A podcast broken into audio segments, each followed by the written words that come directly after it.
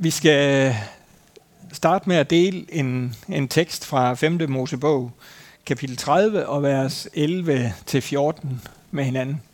Og den skulle også gerne komme herop. Lige præcis. Og jeg læser den lige.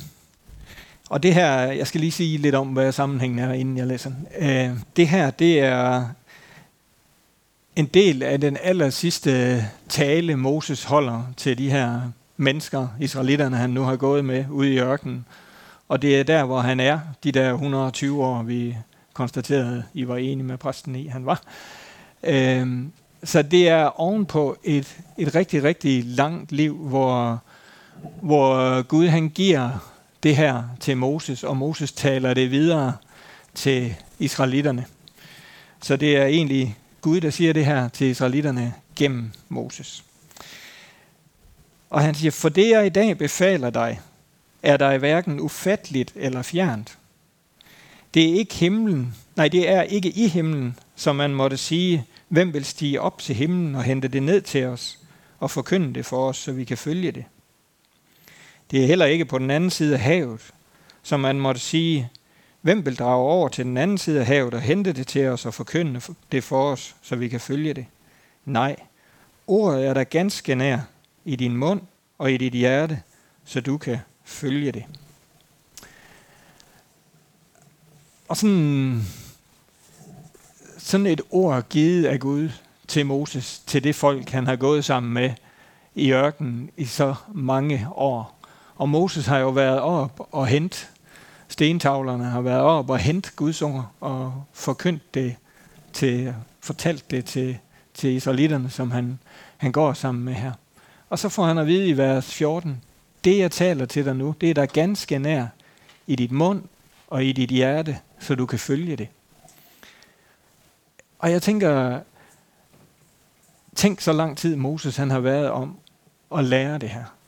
Og så Gud, han, han ligesom fortæller ham, ved du hvad, mit ord er i dig. Og det her det er jo længe før Jesus, og det er længe før Helligånden. Det er jo, hvor loven og alle tingene er fuldstændig i, i øh, hvad hedder sådan noget, funktion. og hvor det er det, israelitterne bygger på, og hvor deres gudsforhold og deres adgang til Gud sker igennem loven og igennem alle de ting, der er givet der. Øh, det er noget af det aller sidste i 5. Mosebog, og vi har jo alle, alle loven og alt det hele i, i de andre Mosebøger op til. Men det bliver klar for Moses her, at Gud han er ham ganske nær, og han er sit folk ganske nær. Og han er i det, de siger. Han er i deres hjerte, og de kan følge det. De behøver ikke at løbe andre steder hen. De behøver ikke at jage efter det.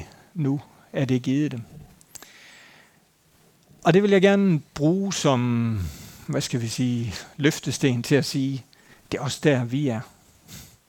Det er også det, Gud han har til os. At han er i det, vi siger. Han er i vores hjerte. Og det, han siger til os, kan vi følge.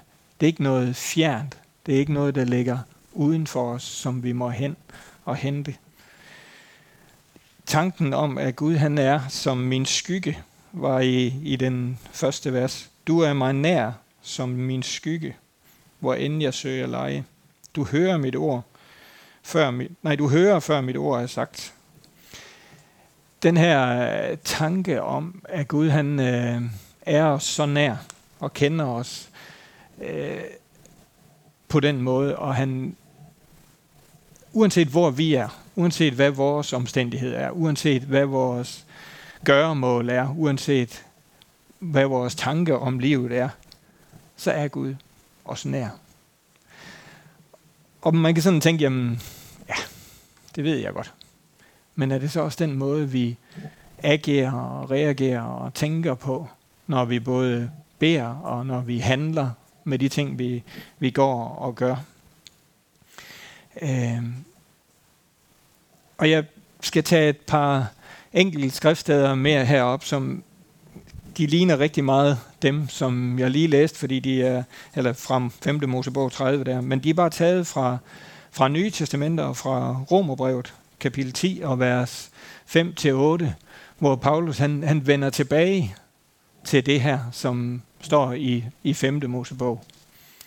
Og skriver sådan her, og nu har jeg lige sat den på hverdagsdans dernede under, men jeg læser den autoriseret, men nogle gange kan det være godt nok sådan at få, få nogle andre ord på det samme.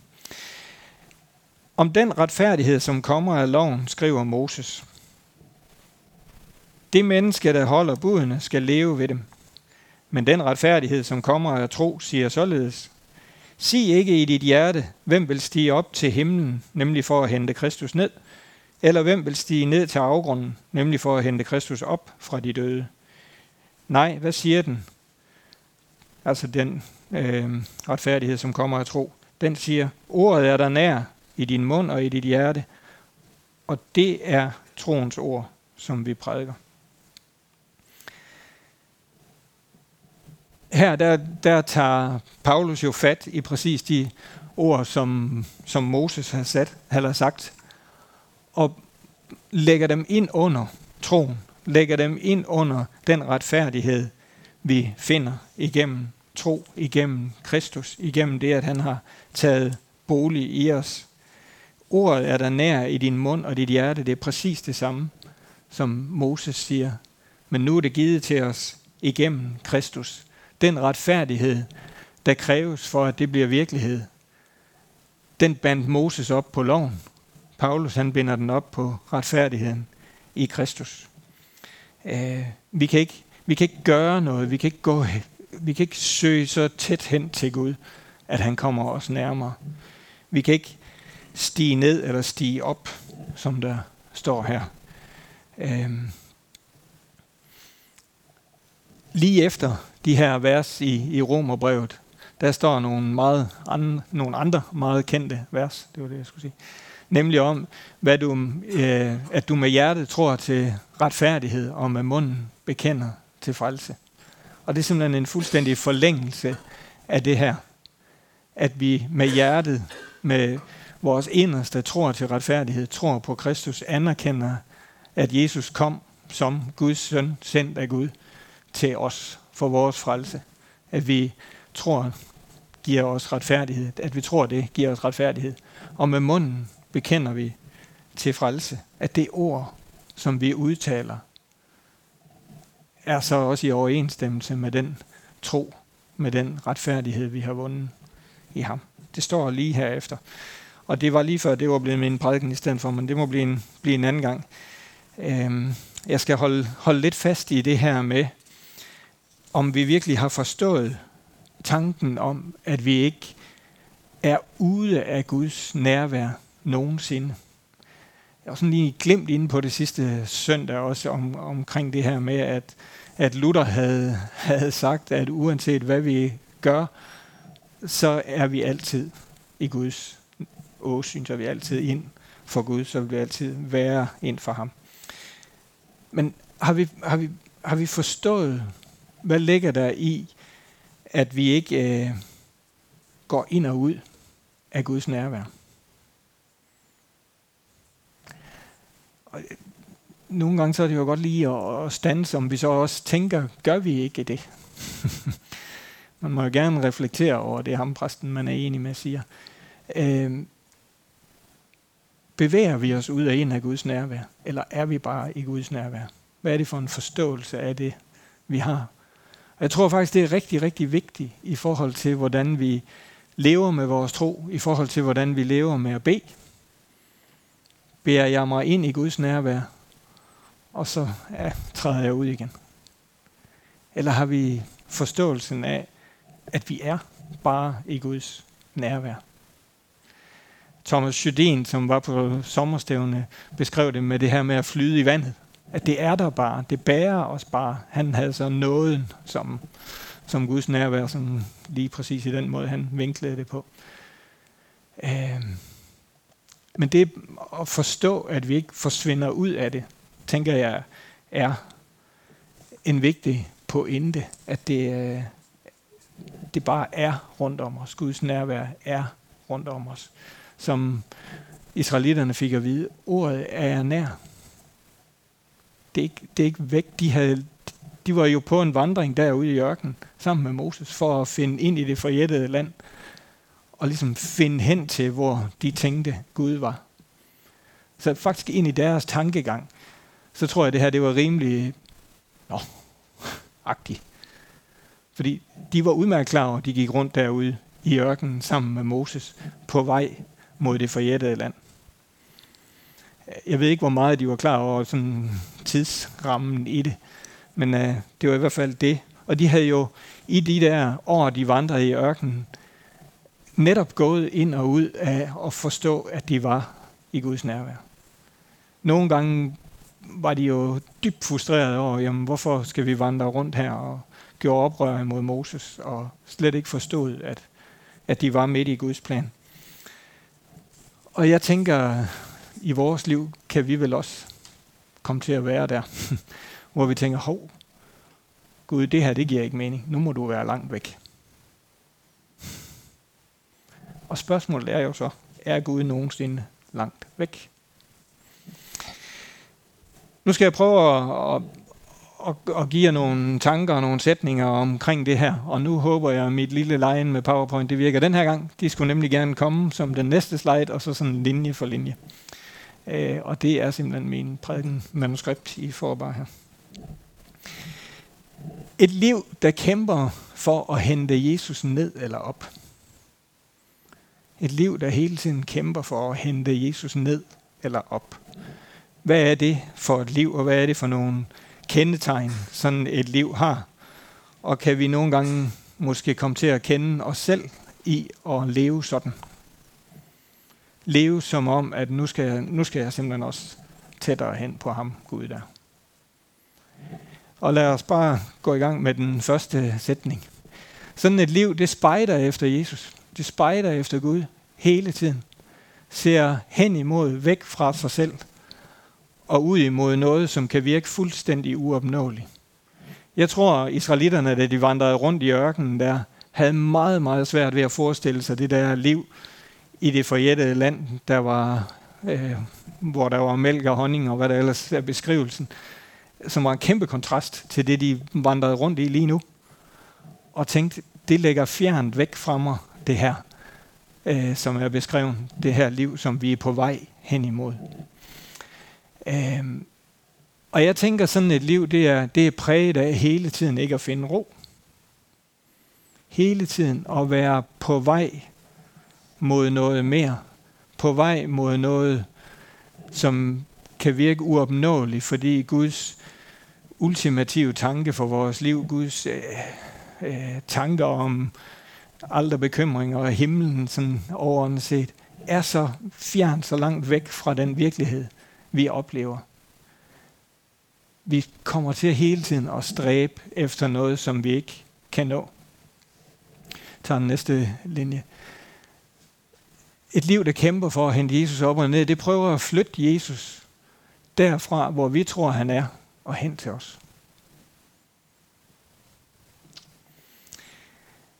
Og hvad mener jeg med at flytte Jesus? Fordi kan vi det? Nej, men, men vi, vi må jo sige sådan i vores måde at bede på, og det, det skal jeg gerne tage ind over mig selv også, og jeg, jeg, det er, at vi siger, kom Jesus. Som om vi skal have ham til at komme et eller andet sted fra, hvor han lige har sat sig, og hen til os. Og et eller andet sted, så, så illustrerer det vel lidt, at vi ikke har helt den her tankegang om, at Jesus han er her. Han er i mine ord, han er i mit hjerte, han er i mit nærvær. Vi, vi kommer til at, og tænke, jamen jeg skal altså have Jesus lidt tættere på. Jeg skal have ham til at komme herhen til mig. Eller omvendt, at vi kan flytte os hen til ham. Øh, vi tager den næste, Christian. Og det er jo en tanke ud fra, at han må være et eller andet andet sted end lige hos mig. Udgangspunktet er, at der er afstand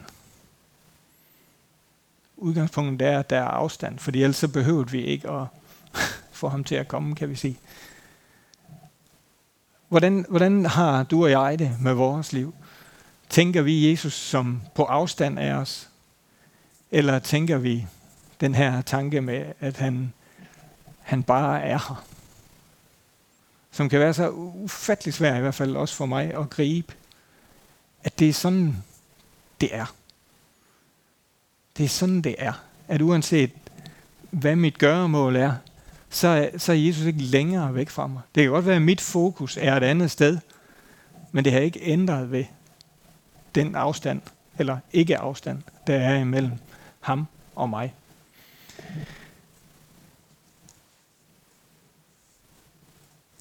Og vi tager den næste.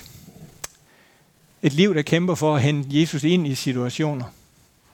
Jeg er, han er, jeg er her, og han er der. Lidt gentalt til det, jeg har sagt. Og kom og hjælp mig. Øhm, og det, jeg, jeg vil i hvert fald rigtig gerne prøve mere og mere at forstå, at jeg skal ikke, Jesus han er ikke sådan en, en uh, hvad hedder sådan en SOS-bil, der kører ud på vejen, og så kan jeg lige ringe til ham, når jeg har problemer. Hvis han er noget i det billede, så sidder han, nu er det så farligt at sige på passagersædet, fordi det giver også nogle billige problemer, men så er han der i øh, bilen, i hvert fald sammen med mig. Det er ikke sådan en faktor udefra, jeg skal tilkalde, når nu jeg har problemer. Jeg kan komme til ham, men det, det er ikke ud fra tanken om, at han var væk, da det dårlige skete, eller da det, der gav mig problemer, skete. Og jeg tænker, det er en, det er en kæmpe forskel i forståelsen af, hvor vi har vores tro, og også i forståelsen af, hvordan vi beder. Om, om Jesus han var væk, da jeg fik brug for hjælp, og så må jeg tilkalde ham. Eller han rent faktisk også var der, da jeg fik brug for hjælp. Og var i situationen sammen med mig, da det hele det ramlede, eller da et eller andet skete. Øh, tanken om, at han er ikke sådan en, vi henter ind i situationen. Skifter vi lidt spor med den næste sætning. Det er et liv, der er præget af, at hvis jeg gør mit liv pænt nok, eller uselt nok, så kan jeg nok få ham til at, at være en del af mit liv. Hvis jeg, hvis jeg er lige så god, som jeg kan være, og kommer til at ligne ham så meget som muligt, så er han tæt på. Eller hvis jeg lider lige så meget, som han gjorde, så er han der. I de der ekstreme yderpunkter kan jeg finde Jesus. Men min påstand i dag, min tanke i dag, er jo, at han er, uanset hvad dit liv det består af, at han er i vores liv hele tiden, og at vi kan med sindsro bede ud fra, at han også var der, da det gjorde ondt, eller han også er i, at mit liv det lykkes. Ja, og understregningen af det her er bare den sidste sætning, der kommer. Præget af tanken om, at Jesus vandrer ud og ind af mit liv, efter om jeg overholder nok af hans befalinger. Jeg ved ikke, om I kan genkende den her tanke, jeg har prøvet at skitsere med Jesus på afstand, om øh, hans nærvær som noget enten jeg går ind og ud af, eller Jesus han, han, han sådan tager og giver af. Jeg tænker i hvert fald, at, at hvis, hvis det er vores, vores syn hvis det er vores tanke, så ligner vi israelitterne, der vandrede rundt derude i ørkenen. Og hele tiden kæmpede for at komme det sted hen, de var lovet, og hele tiden oplevede det her skifte mellem at have Guds nærvær, og, eller opleve Guds nærvær og ikke opleve det. Og et, et, et liv, som øh, ikke giver os så vældig meget hvile men på nogle områder giver os en hel masse stress. Modsætningen til det her er så livet, der lever med Kristus i hjertet. Og det øh, har jeg gjort lidt det samme med. Sat nogle underskrifter under, eller nogle... Vi tager bare den første, der kommer der. Et liv, der bygger på Jesus bor ikke, bygger på, at Jesus bor ikke i perfekte mennesker. Der har manglet et ord et eller andet sted. Øhm, det her med at forstå, at min tilstand, min perfekthed eller mangel på samme, er ikke afgørende for, hvor, hvor tæt Jesus han er på. Hvor meget han kan gøre i mit liv. Det kan godt være, at det er, det er afgørende for, hvor, hvor meget jeg kan opleve af alt det Gud, han har til mig. Men for mig er det ikke det samme som at sige, at han er længere væk, eller han ikke er i det. Jo, jo, jo mere jeg forstår, at det hus, som jeg er, og jeg inviterede Jesus ind i, da jeg sagde ja til ham, det var et uperfekt hus. Og det kan Jesus faktisk rigtig godt leve med, og han vil rigtig gerne hjælpe mig med at få alt det her bragt i orden igen. Og at jeg ikke har behov for at skabe det perfekte hus, for at han kan være i det, for at hans nærvær kan komme til udtryk. Øh, det er jo tankevækkende, at Bibelen er fuld af mennesker, som i al deres uperfekthed oplevede at blive brugt. Og i en grad af uperfekthed, som lægger langt ud over det, de fleste af os, vi enten i vores egen eller andres liv oplever. Øh, men vi kan så nemt komme hen i den der tanke om, at hvis bare jeg får det her på plads, hvis bare jeg får ryddet op i den her del af mit liv, så kan Jesus jo da i hvert fald være der. Så kan vi altid sætte spot på noget mere lidt senere. Jesus er i det hele. Han er i hele vores liv. Og det kan jo være den mest fantastisk tryghedsskabende tanke, men det kan også være den mest skræmmende tanke, at han kender det hele. Han er som den der skygge, der har været med mig, uanset hvor jeg er gået hen. Øh, jeg kan i hvert fald huske for, nej det kan jeg ikke huske for min egen del, men indimellem så, så bliver det mig lidt skræmmende at ligesom tænke den der tanke til ende, at Jesus kender mig fuldt ud. øh, ja, hvad, hvad, hvad, hvad betyder det så? Jamen det betyder, at jeg roligt kan lægge det hen til ham. Jeg roligt kan bede ham om at hjælpe at rydde op i de kroge af mit liv, jeg har brug for, at det bliver ryddet op i. Den næste sætning. Et liv, der bygger på, at vi lever sammen med ham, og ikke gør det for at opnå øh, hans tilfredshed med os. Vores liv har ikke som mål, at Jesus han skal blive tilfreds med os. Vores liv har som mål at forstå, at vi kan leve i hans nærhed. Og det er ud af det liv, at vi forvandles til lighed med ham. Det er ud af fællesskabet og nærheden med ham, at vi forvandles til lighed med ham. Og ikke omvendt. At vi først skal forvandles, og så kan han flytte ind men et liv, der bygger på, at vi lever sammen med ham, at vi tør dele hele det liv, vi har med ham. Også udtale det. Øh, og der, der tænker jeg, at det gør noget ved vores bøn. Fordi øh, der er jo forskel på at bede Gud om at rydde op alle de steder, hvor vi har problemer, eller det er faldet sammen. Eller sige til Gud, jeg har det sådan her. Det her, det, det er mig, Gud. Jeg ved jo faktisk godt, du, du kender det men nu vil jeg gerne invitere dig ind i det. Uden at give ham løsningen på, hvad er det, der skal ske med det, jeg lige har fortalt. Så jeg tror, forståelsen af at være og leve i hans nærhed og have den der øh, ikke-afstandstanke, gør noget ved vores måde at bede på. Vores måde at opleve Gud, han rører ved vores liv på. Det er et liv, der udtrykker, hvem Kristus er for os i ord og handling. Øh, et liv, der udtrykker, hvem Kristus er for os i ord og handling. Øh, og det var jo det, som israelitterne fik at vide, og det var det, Paulus refererede tilbage til, når han siger, med hjertet tror vi for, til retfærdighed, og med munden bekender vi til frelse. Det kommer til udtryk. Det kommer til udtryk øh, i vores tro selvfølgelig, men det kommer også til udtryk i det, der kommer ud af os. Øh, og jeg tænker, øh, det er jo ikke bare i det sagte ord. Vores liv taler jo på alle måder. Øh, så den måde, vi lever på, bekender også, hvem vi tror på. Ja. Og så er det liv i lyset, og det har jeg sådan lige været en lille smule ind og vende om, der tager handle på og med det, der kommer frem.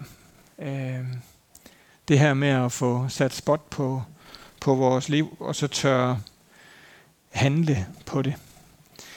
Øh, jeg kan jo godt lide sådan at, at, at, at spille lidt med nogle ord en gang imellem.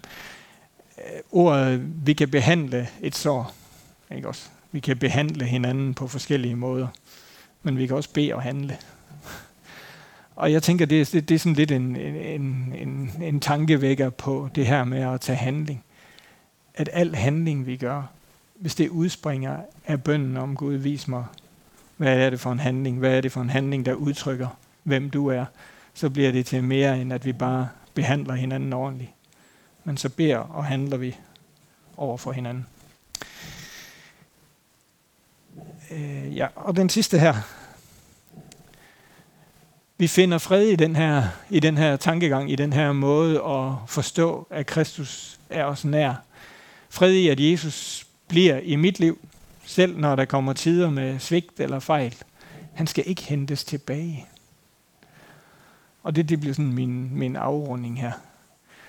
Fordi sådan har jeg tit tænkt, at nu har jeg virkelig øh, bevæget mig så langt væk, at nu har jeg brug for hente Gud tilbage i mit liv. Men han har stået der hele tiden. Han har været skyggen, som de sang i sangen her, og gået med mig, selv der, hvor jeg tænkte, at det, øh, han var langt væk. Tanken om, at Gud, når vi tror på ham, er langt væk, den, den er vel grundlæggende øh, en, vi skal gøre op med. Det kan godt være, at jeg oplever Gud som ikke værende tæt på mig, men han er det jo. Og når jeg så vender tilbage og siger, jamen, hey, Gud, du har jo gået, mig, gået igennem alt det her sammen med mig, så tænker jeg også, det er langt, langt lettere for mig at, at forstå, at Gud han vil være i mit liv igen. Og at jeg kan tage ham til mig igen, som det han hele tiden har gerne vil være, og hele tiden har været. Jeg har bare ikke oplevet det. Uh, han skal ikke hentes tilbage. Jeg håber, du finder øh, en eller anden grad af en, en tanke om, at, at du er dig, og du kan hvile i, at Gud er der nær i de her ting. Og jeg håber, du finder også en eller anden uh, lille øh, ting af de her, jeg har sagt, hvor du kan sige, ah, så kan jeg slippe for stress efter at finde ham der Gud, som er derude et eller andet sted, og som har det lidt med at blive ved med at komme, komme på afstand, uanset hvor langt jeg prøver at løbe efter. Øhm. Og øh, jeg blev vældig inspireret af Thomas Jodin og hans tankegang på, på sommerstævnet om netop det der med at være i, at være i Guds nærvær, mere end at kæmpe for at komme derhen. Og jeg tænker, det gør en kæmpe forskel i den måde, jeg kan leve på. Hvis jeg kan arbejde det ind i min, min måde at være på, så, så giver det bare hvile, selvom jeg har travlt hvile, selvom jeg har travlt. Og jeg tænker, jeg har tænkt meget over det, den titel, der han skrev, det sker, mens du hviler. Og, det, og jeg havde lidt med at komme overens med at sige, jamen der sker jo ingenting, hvis jeg hviler. så, så sker der jo ikke noget af det, som jeg tænker er at ske noget. der sker nogle helt andre ting. Og jeg tror, hvis man går ham på klingen og, og siger, jamen det liv, han har levet, har jo absolut ikke været præget af, at han har siddet stille og lavet ingenting. Det er jo ikke der, han er nået frem til at sige, nu sætter jeg mig bare her. Nej, man kan hvile, selvom man har travlt. Og det er i hvert fald det, når jeg læste bogen, også jeg fik ud af, at jeg skal, ikke, jeg skal ikke kæmpe mig hen til Gud, men jeg skal få lov at være der, og så med mit liv udtrykke det, jeg oplever der. Og det kan godt være, at det uh, gør, at jeg har travlt. Men jeg hviler i, at Gud er i mig, rundt om mig, over mig, under mig, bag ved mig, foran mig, som vi beder i en eller anden bøn. Og vi også lige sang her forresten, ja. Det var der, jeg havde det fra. Så ja, tag med dig, at når du går ud herfra, så er Gud lige så nær, når du er rundt og omkring, så er Gud lige så nær. Skal vi bede sammen. Fra himlen, jeg vil gerne bare stille mig her ind for dig og ind i midten af det nærvær, du har givet til mig. Far, et ønske fra din side om at, at være nær, det siger jeg også ja til her. Bed om, at vi hver især må få lov til at takke ja til dit nærvær. Forstå, at du ønsker at være helt tæt på os. Du ønsker at leve sammen med os. Du ønsker at gå sammen med os i og igennem alle de ting, livet byder os her. Og far, ud af det nærvær, der beder jeg om, at jeg må få lov til at forstå din visdom, og få lov til at tale øh, dit ord til andre mennesker, som israelitterne fik at vide, og som Paulus også sagde, at vi skal bekende, hvem du er for, med vores ord og vores handling. Far, tak for dit nærvær også den her formiddag her. Jeg beder om, at vi hver især må få lov til at åbne op for, hvad det er, du vil, hvad det er, du vil røre ved i, i vores liv, hvor det er hen, du vil give os endnu mere af din frihed ind i vores liv, og af din velsignelse ind i vores liv her. Amen.